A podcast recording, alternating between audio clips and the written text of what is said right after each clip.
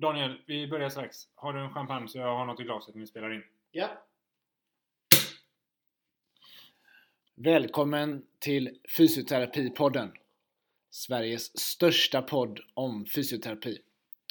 Idag så bjuder vi på en gäst från hela vägen från Sydafrika. Mr Ian Gray. Mycket nöje med det. Och kom ihåg att Fysioterapipodden presenteras i samarbete med HMC Sverige. Vi är mycket tacksamma för att de gör den här podden möjlig. HMC Sverige håller utbildningar för vårdpersonal inom bland annat förflyttningar. Och nu direkt till Sydafrika. Yeah, we're very happy to welcome uh, Ian Gray to the podcast. Uh, welcome, Ian. Oh, uh, I feel very welcome. Uh, thanks for inviting me to your show, guys. We'll uh, start it off uh, directly with our uh, fact sheet uh, to get to know you a little bit more. Uh, name. Yep, my name is Ian Gray. Uh, what's your age? Oh, I'm about 42 years of age, and man, I had to think about that one for a moment. About 42. That's an indication of age as well. Unluckily, yep. yeah. Uh, why did you choose to study physiotherapy? Oh, guys, I um, I can. Uh, it's been a long while, while ago. So recollecting my, my high school days, thinking back to a young man that really wasn't that interested interested interested in studying and academics, more interested in sports. I was a, a competitive cyclist um, at school. Uh, it, it, you know, it caught me out uh, la- later during my uh, high school career. I got to a point where I realized I haven't really put much thought into this. Uh, the only thing that I was worried about was cycling. Um, speaking to a lot of guys, that was the easiest link to, to get to, um, you know, to, to, to deal with sports later in life um, and with people. I was not the guy cut out for a desk job. Um, needed to be on the move or at least dealing with people rather than paper. Uh, physiotherapy was uh, the advice that I got from uh, from a bunch of counselors that I had to chat to to help me put my mind uh, into the right direction. Yeah. Yeah, so so in the end, it just worked out well. Yeah. Just worked out well. Yeah. And uh, where did you study physiotherapy? Oh, I studied physiotherapy here in South Africa, um, in Pretoria. The university is called TUKS, uh, the Pretoria University of Pretoria. Um, yeah, close to my home, about uh, 12 kilometers from where I grew up, so it's not it's not far off. Yep, Sounds convenient. Uh, yeah, it was very convenient. Yep. I was uh, three kilometers from my home, so I can recognize the feeling. And and he hasn't left so far, so No, I'm still here. Yeah, yeah. I, I, I you know, I've got to also then say that I'm currently sitting in the house that I grew up in. So I I actually moved into the house where I grew grew up into. I haven't moved much either. So don't do feel too bad about the fact that you haven't moved. Uh, Uh, when did you complete your physiotherapy studies? Your basic training? Uh, yeah, basic training was completed in 2001. and uh, where do you work now? Um, I actually work at a, at a hospital that's not far from here. I, um, it's about 10 kilometers from, from where I'm sitting at the moment. Um, always been in the area, stayed in the area. Uh, just worked out so that there was um, post available at, at, a, at a certain point during my career where, um, yeah, I really became disenchanted with uh, with the profession for a while. Uh, moved away and and moved into uh, a, a locum position with this clinic where I did find my feet and uh, yeah, and then I, I became one of the the partners or directors of the clinic. Uh, and do you have an uh, a funny or embarrassing story regarding a patient or patient or anything in your work life? Oh, yeah, I, I wish I could say no, but there are many, many embarrassing stories that, that involve patients. So, oh, um, uh, I think uh, all of these embarrassing stories uh, teach us think th- something about ourselves or about patients or the internet interactions we have with them. And uh, maybe one to share with that was a, a patient that, um, yeah, that was treating uh, early on in my career, and uh, I considered myself a very good manual therapist uh, at some stage. Um, and this patient would regularly visit me, um, if I say regularly, say once a year, with a, a problem that was pain over the sacroiliac joint. He'd come to me because if I applied some manipulations on him, three or so sessions, he'd be better, and um, no one else in the area could seem to solve it for him. Uh, but he'd be back regularly. Um, and, and you know, you, you you go through further training in your life. I got involved with uh, MDT or the McKenzie method of MDT. Um, and, and, and I kept on treating him the way that uh, that I treated him always because when he'd come in and say, I just need some of that treatment that you give me that sorts me out.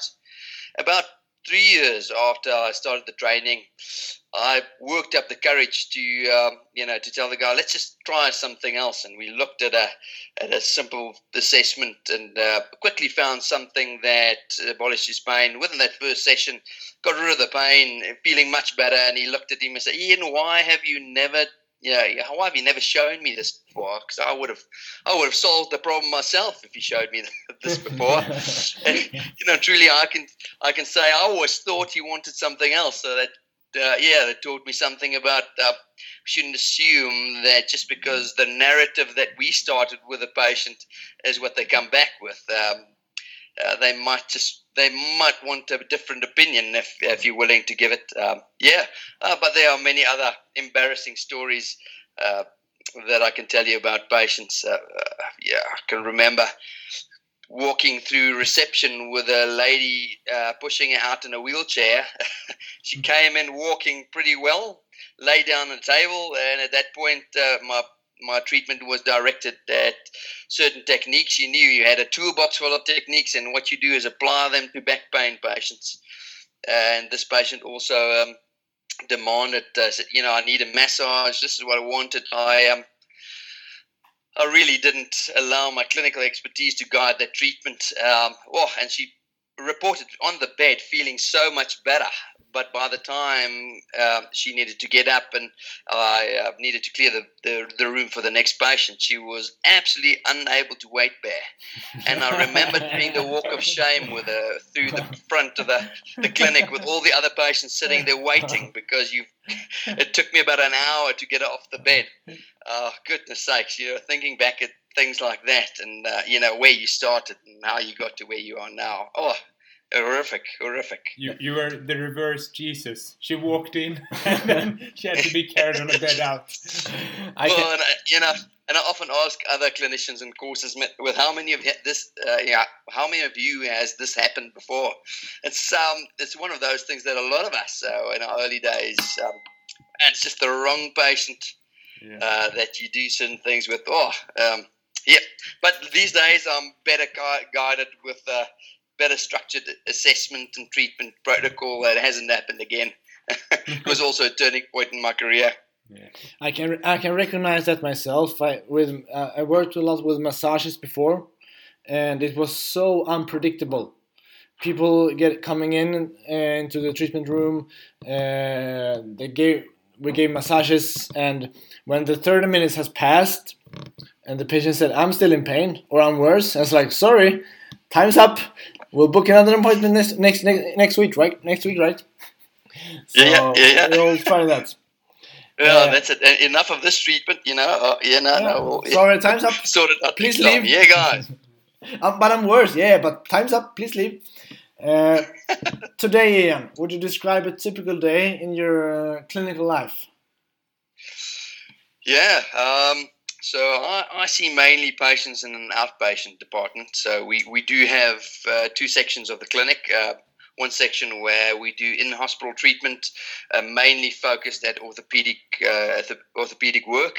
Uh, I myself, I'm I'm in an outpatient department, seeing um, a lot of patients who come for uh, first first contact uh, help with either back pain, musculoskeletal disorders, and then we do some post-operative rehabilitation um, in in the rooms as well a little bit of screening beforehand, but uh, it's not really. Um, uh, once a surgeon decides to, you know, to, to operate, that's it. I'll see him after the surgery. Yeah. So, so you have the possibility for screening, but it's not that developed so far. Yeah, yeah. There's a there. There's some cases where, um, and I think that's more specifically so when uh, general tra- practitioner or, or the uh, patient's uh, GP from from the area would write two referrals. Uh, they would say, you know, please uh, go and see the specialist. But in the meantime, because you might wait a week or two to see the specialist, go and see the physiotherapist as well, and they'd give us our number. And we've got um, a week or two's time to try and see if we can. Um, yeah, yeah. Uh, determine whether this patient is actually uh, appropriate for for the surgeon's uh, assessment. Yeah. So there, there's some scope, but it but it is limited. It's not a structured um, screening process, if I can put it that way, Calvin. Yeah, great. It it seems like a bad selling point that it's like one week in two weeks you can see the specialist specialist. Just go see the physiotherapist before you get first value care. Yeah, yeah, exactly. No, it, it, in a lot of cases, that's a, a difficult um, narrative to have with a patient because yeah. they come there expecting certain things. So, um, you know, just just from from a clinician's perspective, to change the patient's expectations of what needs to happen um, is a big part of you know of our jobs. And um, and when they come in with that narrative, oh, they've already had that seed planted that what they're going to need is surgery.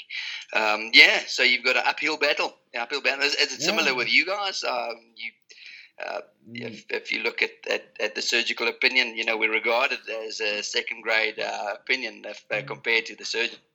I, I don't do that myself, but I have some uh, colleagues who do the same, and I know that they work a lot uh, in cooperation with the surgeon.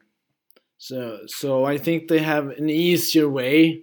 They do um, a common ex examination together yeah. with the surgeon. So I think they ha often have an easier way uh, to go. Uh, speaking about that, how we we very uh, we have listeners uh, maybe only from Sweden, and I'm very interested to hear about the status of the profession in South Africa. Yeah, and, and, and if you say the status, is the profession, um, uh, maybe just help me if I'm misunderstanding the question. We've got uh, first line practitioner status, which means you can come and see us without a referral, which is beneficial to a lot of patients.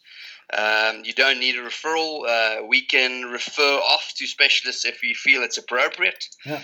Um, and, and, and the level of training really uh, pre-graduately is quite high in, in, physiotherapy compared to some other countries. Um, I, am not comparing necessarily to Sweden, but thinking of, of, of other countries where they don't have um, uh, direct access yeah. to physiotherapists. Yeah. The problem with South African uh, profession more likely would be access to it. Um, there, are, you know, we've got a, a, private and, and a medical aid, which is a um, you know a privately funded system, which is uh, you know very well developed and the standards are very high. Um, unluckily, a large portion of our population would uh, need uh, care from the state.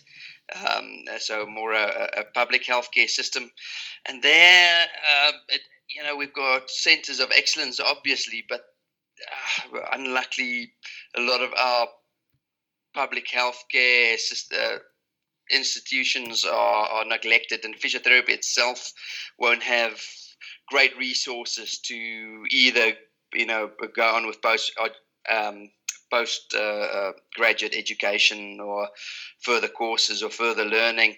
Um, it's really down to to the individual there to try and make things work. Yeah, uh, I think that here in Sweden is like um, in in primary care we are much uh, in competition with chiropractors, naprapaths, osteopaths, you name it.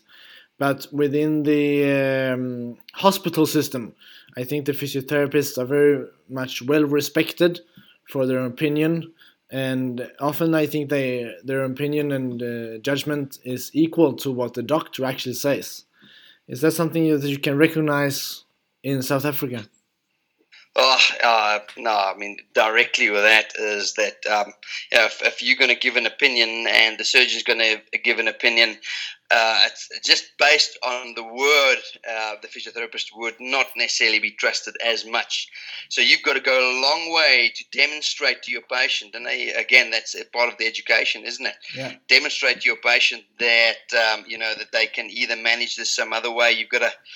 There's a possibility of that education, but I think generally speaking, uh, we wouldn't be regarded as the um, as the go-to people. But um, well, uh, I think that's just a culture. Uh, with regards to chiropractors, we have a very small community of chiropractors. I don't know how many osteopaths we have. If you look it up on the internet, you might find one or two names throughout South Africa not well advertised. So we don't have that same competition. It's it's more between us and, and let's say specialists. So uh, we would be considered a competition with some of them. Yeah, Um, okay. They would they would compete directly for the same patients we're competing with, so spinal surgeons, orthopedic surgeons, and such. And I would say in Sweden, as you say, that in um, like the education after the, the basic training, it's it's up to the individual physiotherapist to, to decide to, to pursue that path. I would say it's quite the same, but the the the basic training or the how do you say Yeah. the, The, yeah the, the, the basic training at the university. yeah how long is that in South Africa? Uh, it's a f- it's a four year degree, yeah, It's and a- then, and in Sweden, It's three year in Sweden. Uh, Three year, yeah. and, I mean, in Europe in general, four year is the, the normal length. But Sweden and a few other countries still have three. Yeah. There's a, okay, I think there's a push to make it four in Sweden as well, but I, I doubt that it will be four years in, in quite a few years. It's a long process of getting yeah, yeah. Um, but other than other than your clinical work with with patients, uh, what do you, do you do anything else within the physiotherapy community or the physiotherapy Yeah. work related? Yes, yes, I um, uh, for some time I've uh, acted as a course organizer for the McKenzie Institute International in South Africa, and uh, now uh, beginning of 2020 we established the um, the Southern African Institute of the McKenzie Institute. Um, I am currently the chair and also the um, the, the faculty member, so I'm teaching uh, part A and B of the credentialing program in South Africa um, and and then we're getting uh, international faculty in for C and D to try and make sure that um, you know no one clinician goes through all the sections of or, or parts of the educational process under the same teacher. I have some bad habits, and and uh, obviously that shouldn't be transferred to to students, uh, isn't it? We all have our bad habits, don't we? Yeah, that's it. That's it. Uh, yeah. Uh, hopefully, we, we all try and uh, improve on them. Um, yeah. Let- Let's try. It's a it's a work in progress. Let's say that. it's a work in progress. Yes. But as uh, when you mentioned the McKenzie or the mechanical diagnosis therapy, what in because in Sweden we have we have the McKenzie, but we also have the orthopedic manual therapy and quite a few other. And the uh, Cyriax. yeah, but in South Africa, what are after your basic training? What are the different uh, branches of, of Op- things, op- to, op- options, options to for- explore further? Yeah. And and um, are we now speaking of specifically about musculoskeletal care? Um, because within physiotherapy, there are many options. Obviously, uh, whether that be uh, pediatrics, neurodevelopment, or I would- um, I would- spine, I would- spinal injury care. Yeah. Yeah, in musculoskeletal care. Within yeah, and so within musculoskeletal care, we, we have the main branch, which is the OMT OMT route that you have as well, the the IFOMT um, endorsed uh, uh, training route. Um, that that would uh, and, and that's historically been the um, you know the course that every clinician was um, advocated to do after finishing university. And if you wanted to go into musculoskeletal skeletal care, you had to do OMT based orthopedic manual physiotherapy uh, based program. They've recently changed their name in South Africa to the neuromusculoskeletal group um, to get away from the the manual therapy uh, connection to it. Um, and then um, there there are um, similarly with our society. There's a um, a course that they've that they've designed um, instead of OMT, it's called the SPT, a Sport Physiotherapy Group, to to focus more on on um, the treatment of of sports injuries. Um,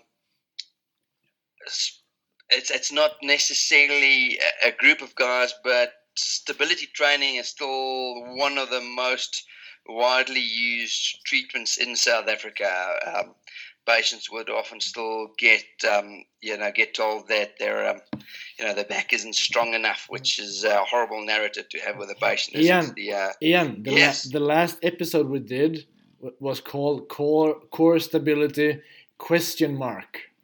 Yes. So it, it, I'm sorry we can't translate it to English, but I think you would have enjoyed it. Yeah, definitely. We question lots of the Yeah. lots of the concepts around it and so on, and it's interesting to hear that uh, it's very large in South Africa as well. Because in Sweden, it's mainly what is taught at the universities.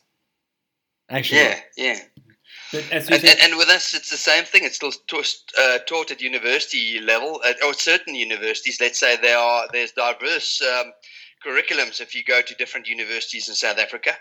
Um, but there is luckily, um, you know, a lot of postgraduate education going towards, you know, uh, getting away from that. Nothing wrong with getting your patient active, isn't it? Uh, you know, we want them to be active and participating, and we want them to to uh, you know leave the sedentary lifestyle uh, behind. But um, uh, it doesn't have to be that specific. That's a different question, isn't it? yeah, absolutely. that's exactly our uh, uh, conclusion from the last episode. I would say. Yeah, Oh, okay. There's Yeah, nothing yeah, wrong yeah. with uh, with training your core, but let's not make that the sole uh, solution to all your musculoskeletal problems.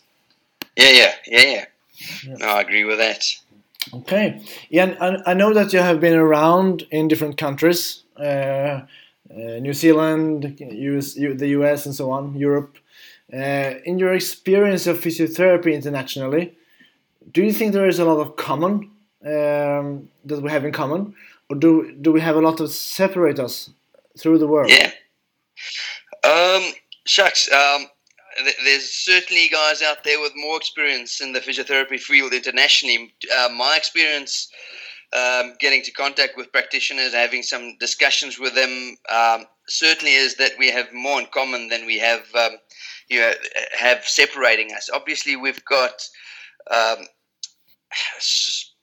different barriers, uh, you know, to patient care in, in different countries but I think to a degree, all those things are are uh, universal. And what I mean by that is, um, you know, funding might be a big issue in a bunch of countries. In another country, it's not, but it could be to a certain part of the population.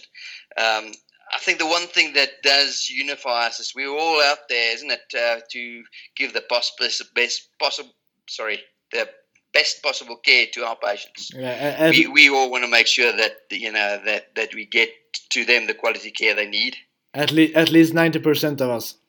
Yeah, That, that's and uh, you know I actually don't want to talk about the ten percent because uh, certainly, certainly there could be problems with that as well.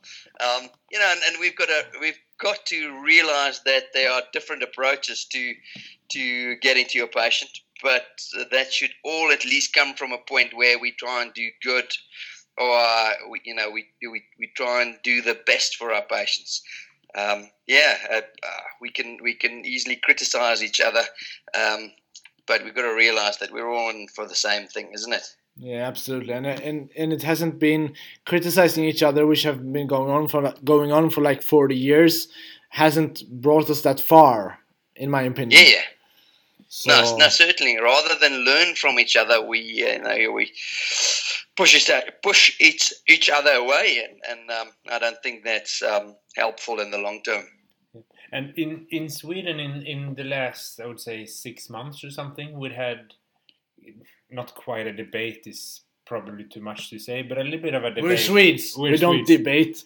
We just talk quietly and sit still on the bus. Yeah. But we have been dis- have, We have been- um, There's been some discussion about the, the treatments that we as physiotherapists give, if they are based on scientific facts or if they are based on just we've always done this. Uh, here has been examples of uh, acupuncture, Yeah, manual uh, therapy. manual therapy, a lot of that. Are the treatments that we give based on the actual science, or is it just uh, biases and uh, individual uh, practitioners' uh, individual thoughts or prejudice? Have you have have has this been a discussion in South Africa, or just regarding the how do we base our treatments in the scientific evidence that we have? Oh, oh, there's certainly there's certainly a lot of discussion going around uh, regarding that. Uh, if you look on the, some of the Facebook groups, uh, you can see that from a day-to-day basis. Um, but you can also see the biases. It's very difficult to recognize our own biases, isn't it? You know, we're uh, uh, if you look at the discussion, it could be a very one-sided debate w- with certain people. Um, and and, uh, and I can I can honestly, you know, let, let's let's point the finger at ourselves. If we if I look at the MDT group, so the mechanical Di- diagnosis and therapy group, um, the reason that uh, that I'm happy to be with the group at the moment is because it's constantly changing. Um, it's a it's a evolving system. Um, yeah, and, and, and it means that we need to change certain narratives, uh, certain um, understandings of the things we do from time to time to best fit with the best possible evidence. And you can even within the group, there's a lot of difficulty to accept changes. Uh, uh, which which is based on our biases, isn't it? Uh, you know, I've, I've seen this work, and I, this is what I believe. It's very difficult to get away from that if um, yeah, yeah. If, if if you don't ensure that you stay open minded, um, It's a, it's a tough pill to swallow that I've been doing, in quotes, wrong uh, treatments for the last 20 years. Um, yeah, yeah, yeah. I think that that's one of the big reason that people are are reluctant to change. But I think as long as you say that I did the right thing according to my knowledge at the time, then you always have. I know it's a Swedish expression. You always have your back free. You always can. You have a, a clear conscience if you did what was right at the time with the information you had. But the Yeah. the moment that you cling on to, I've done this for ten years. I don't want to be wrong. I have evidence contradicting my treatments, but I, I keep on doing them just because I know it works. I know it works or I don't want to have been wrong for 10 years, then that's where you start to be wrong in a very dangerous and uh, serious sense. Yeah, if you look at one of the three pillars of evidence-based medicine, um, it is the best uh, available evidence, isn't it? You know, Yeah. so yes, the best Sure. evidence that's available. It might not be good evidence at the moment, but at least it's the best, Yeah. and that's going to change. So I, I always feel if the moment you're going to stop learning, if you if you think I know it all, that's the moment you become redundant in the medical field. Huh? You uh, you stop learning. I think you can hang your coat up, and it's time to to retire Yeah. because you will stop being useful to you know to the pop, uh, patient population from then onwards. and start selling assistant devices instead. Yeah, That's it. That's it. That's a good. That's a good way to go. Uh, that's a good way to go. yeah, yeah. That's definitely keeping an open mind to the to the new science and adapting to it. That's the that's the key to to being a professional healthcare practitioner. I Yeah, think. I absolutely, absolutely agree with you. Ian, looking forward the next 15 years. Here, I- I'm sometimes a little bit um, worried about our profession, at least here in Sweden, um, because we have some huge challenges of proving ourselves worthy in the healthcare systems. Uh, do you do you see any um, big challenges world, worldwide for physiotherapy the next 15 years? I, I certainly do. I certainly do. And um, uh, you were mentioning this before. We're competing for uh, for funding, isn't it? Um, the first rule of ethics is you've got to have a sustainable sustainable business. Otherwise, you can't care for your for your patients. So if uh, we're going to be competing for funding. Um, you know, we have to prove that uh, you know that it's cost effective and we adding value to um, you know to the, these patients' lives who uh, essentially fund our you know our, our profession. So I think that's going to be a major challenge. There's, um, but but I also think that some of the um, you know some of the opportunities for physiotherapy comes from that um, from that same domain. Um, there's some good research out there that's stating that uh, patient, patient satisfaction, is, at least for neuromusculoskeletal conditions, um, is better, and that the healthcare expenditure is less if uh, patients are tri- triaged uh, first by a physiotherapist rather than, um, uh, let's say, emergency care personnel, for instance. Um, and if we can keep on uh, getting research and evidence out there to, to prove that uh, we're being firstly effective and that it's cost effective, I can see that these same challenges could be a huge opportunity. Um, now that that in itself, for that to happen, we need to make sure that uh, you know that we have the research, we have the data available, and um, yeah, that that in itself is going to be a huge challenge to make sure that we can collect universal data on on our outcomes and go for the money. Uh, I believe that the RCT is more or less dead. Sorry to, but I think so. I think we have to go for the money.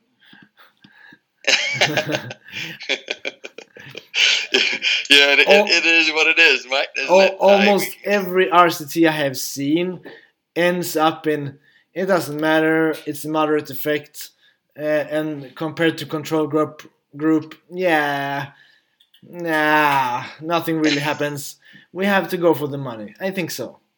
Yeah, but but also, don't you think that um, if we look at the RCT, um, that some of that uh, that study design might be flawed? Very, um, very often.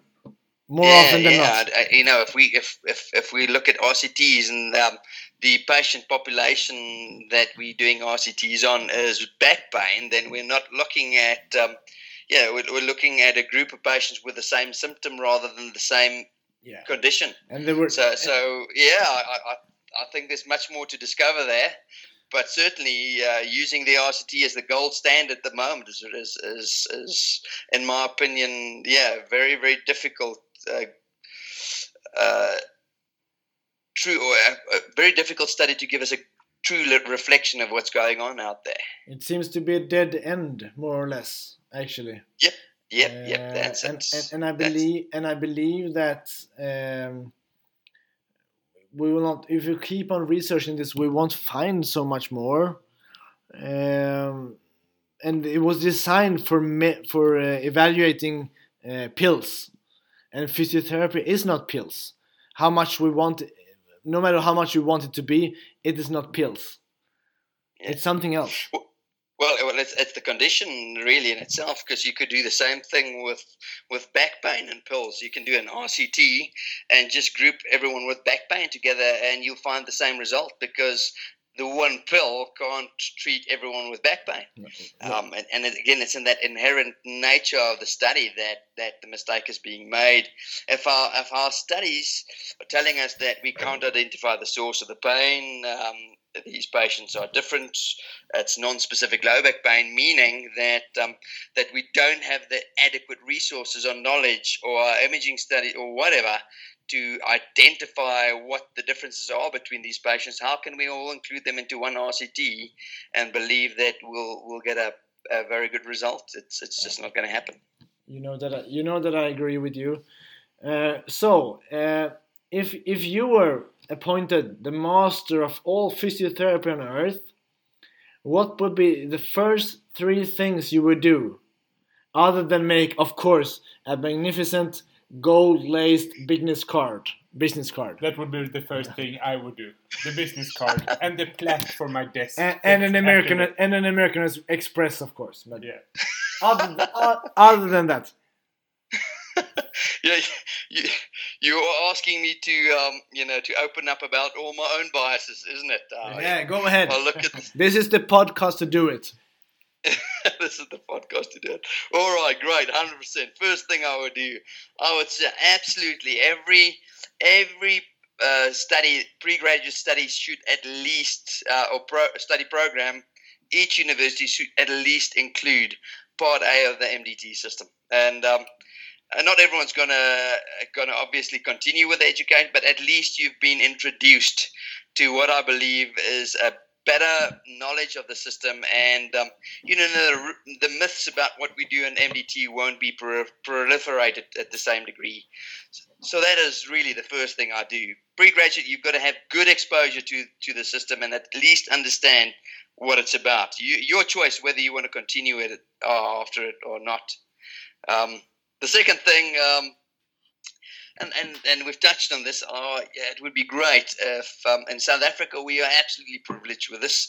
There's some challenges with this coming up uh, in future as uh, uh, NHI, a changeover to a national health insurance is coming our way. Um, but I believe patients deserve direct access to to physiotherapy. Um, you know, if, if you've got to go through a gatekeeper that again doesn't know much about uh, what we do, um, then it's very difficult to get the right patient to you know to the right person at the right time. Yeah. A lot of people are going through unnecessary surgery. Um, but the third point would then have to meet up with that. If I'm going to give every uh, patient out there direct access to a clinician, I would standardize all all training for physiotherapists out there. And it's it's and you were mentioning that ten percent. Um, how we can how can we give direct access uh, to all patients if we have uh, some clinicians out there that's um, in it for something else, isn't it? Uh, uh, and that's a worrying thing. Uh, we can we can fight about uh, all the injustices and what we could do for patients and all the benefits, but uh, from within our own ranks, we have individuals that um, does not deliver on what we should be delivering. Then we've got some house cleaning to do, I believe.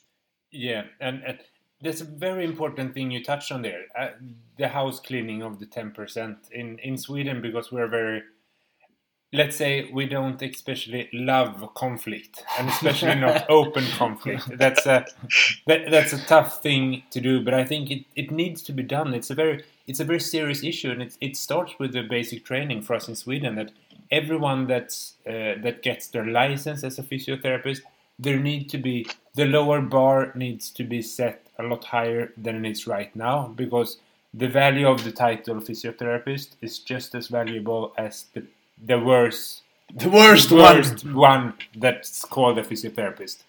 So, and, and I mean that's um, everyone needs to do that in the coffee break room on the in the training. You, you need to just say something when when a colleague is not doing when they're doing not just subpar but basically horrible work. But I want to touch on the the gatekeeper that you said that I, I really agree with you. We have worked very hard to not have a gatekeeper because the gatekeeper gets very much power, and it, with that power comes not just great responsibility but great knowledge that they don't have. So I think to keep the gate to keep the gatekeeper away is very important to, to keep the the the direct access uh, available. It's it's key. Yeah. Do you do you have um, do you have direct access in Sweden to I, physiotherapy? I have, I have a fun story about that. Uh, about 15 years ago, our um, uh, union in Sweden, which is very strong, uh, published a website that said uh, noreferrals.com. Uh, 15 years ago this week I had a patient that asked me, Do I really need a referral to come to you? And I was like, We did that 15 years ago, mate. You don't need a referral. So we, we have the, everybody has direct access, but it's it's um, very uh, unknown to the to the general population. Some people absolutely know about it, but there are very many who does not uh, know about this? How yeah, is it? Yeah, Can it's not public knowledge. So. No, absolutely not. How is it in South Africa? Is it public knowledge that you have direct access, or is it a um, well yes, kept secret? Um, it, it is. Um, it is widely accepted. There would still be some questions. Um, the biggest problem is whether you are, if you are funded by medical aid. So if you've got a, a private funder to which you're contributing, whether they will actually pay for you to, um, you know, to see the, uh, the, physiotherapist, whether you have or not, you can come and see me. Um, but with certain of these plans, you might have to pay out of pocket, and they would not fund you. And and and quite sad if you think about it. Yes, I'm not going to fund you to go and see the physiotherapist directly. What I would rather do is pay the GP for a consultation and a referral note to the physiotherapist, and then I will start paying the physiotherapist. Um, it's it's it's just in my mind, it's it's crazy. And the GP knows how to charge as well. Better than Uh, a so- physiotherapist. They, it Sorry, there, was just quite a bit of a break in Uh, communication there. I say the GP knows how to charge for that referral as well. It's a costly for the Exactly. that that consultation will go hand in hand with a musculoskeletal assessment. Whether that is, um, you know, uh, obviously, uh, I- I think the idea was to make sure that they are get they're getting triage properly, and uh, serious spinal pathology, or for instance, in the case of back pain, is excluded. Um, you know, the patient is provided with the opportunity to get a referral to a specialist if necessary, and that's maybe because we haven't been good at our own house cleaning, like I said before but um, but now uh, a lot of patients, and if you look at you know the prevalence of let's say serious spinal pathology and, and the back pain population, are now for the benefit of two percent of the population, the other ninety eight percent of them all have to um, you know have to pay more uh, with a GP to, to, to get to the physiotherapist. Yeah. Um, yeah, so we need to do our house house cleaning. We need to make sure that that uh, everyone you go and see is on the same standard. Yep, yeah. More cleaning. more cleaning, more cleaning. Ian, uh, is there something else that you would like to uh, tell uh, our listeners here in Sweden? Oh, just that it sounds very cold over there. Um, oh, goodness sakes. I was sitting um, outside uh, preparing for uh, this uh, call with you guys. It was 28 degrees outside and it's uh, 7 o'clock at night. It's getting dark. Um, uh, goodness sakes, when you tell me two degrees outside, I, I, uh, I want to say I'm so sorry, guys. It's, uh, that just doesn't sound like the thing to do. And you can hear the lions roar, right? the, the, the dog's barking. the, The dog's dogs, barking. oh, the dog's barking. If you have an opening that's at your why I clinic, came inside. Yep. Yeah. If you have an opening at your clinic, let me know. Those 28 degrees sounds mighty funny No, to me. no, no. I'll, I'll invite all your listeners to come and visit South Africa. It's really a beautiful place with a wonderful climate and uh, nature is amazing. Save the rhino, guys. Don't uh, don't believe the stories about uh, rhino horn. It's not true. Great. Well, I hope some of us come down there, down down there today. I promise you, I will be there at least one day. Oh, Kelly, you're invited. Uh, Victor, if you ever see your way through, come come come along. Come along. Man. I I will bring him for sure. Definitely. That's, Ian, take care. And uh, so we are very grateful that you will uh, join us here on the podcast. Um, and I hope that some Swedish physios get a little bit insight of how life is, clinical life is in South Africa. oh, thank you very much for inviting me onto your podcast. It was fun. And take care, and we'll see each Keep other. on fighting the good fight. Cheers, Yeah. guys. Yeah. Great. Cheers. Cheers! Och där säger vi tack till Ian. Fantastiskt att höra lite från Sydafrika. Fysioterapipodden är ju Sveriges största podd om fysioterapi. Kom ihåg att gå in på Facebook, Instagram, like oss. Fråga gärna frågor. Vi kan vidarebefordra dem till Ian efterhand. Eh, vi finns där poddar finns. Och om vi talar om en samarbetspartner, HMC. Vad händer hos HMC just nu Viktor? Jo, de har ett nytt väldigt spännande projekt på gång. Ett eh, forskningsprojekt eh, som finansieras av VGR där de håller på att eh, låta kliniker, alltså fysioterapeuter och arbetsterapeuter, de håller på att validera ett förflyttningsstatus de gör där, där klinikerna får bedöma olika förflyttningar, alltså ryggliggande till sidliggande i säng, liggande till sittande, sittande till stående och så vidare. Ehm, och väldigt spännande det här att, att just validera inom förflyttning eh, för att få det ämnet lite mer, eh, ja, lite evidens inom förflyttning. Det tycker jag är välbehövligt. På hmcsverige.se kan ni hitta mer information om detta. Till nästa gång så önskar vi väl eh, ja, en god tidsenhet och eh, följ oss, gilla Facebook, Instagram, eh, eh, iTunes såklart. Eh, ta hissen ner, det tänker jag göra på väg till vår eh, after work sen. Hej!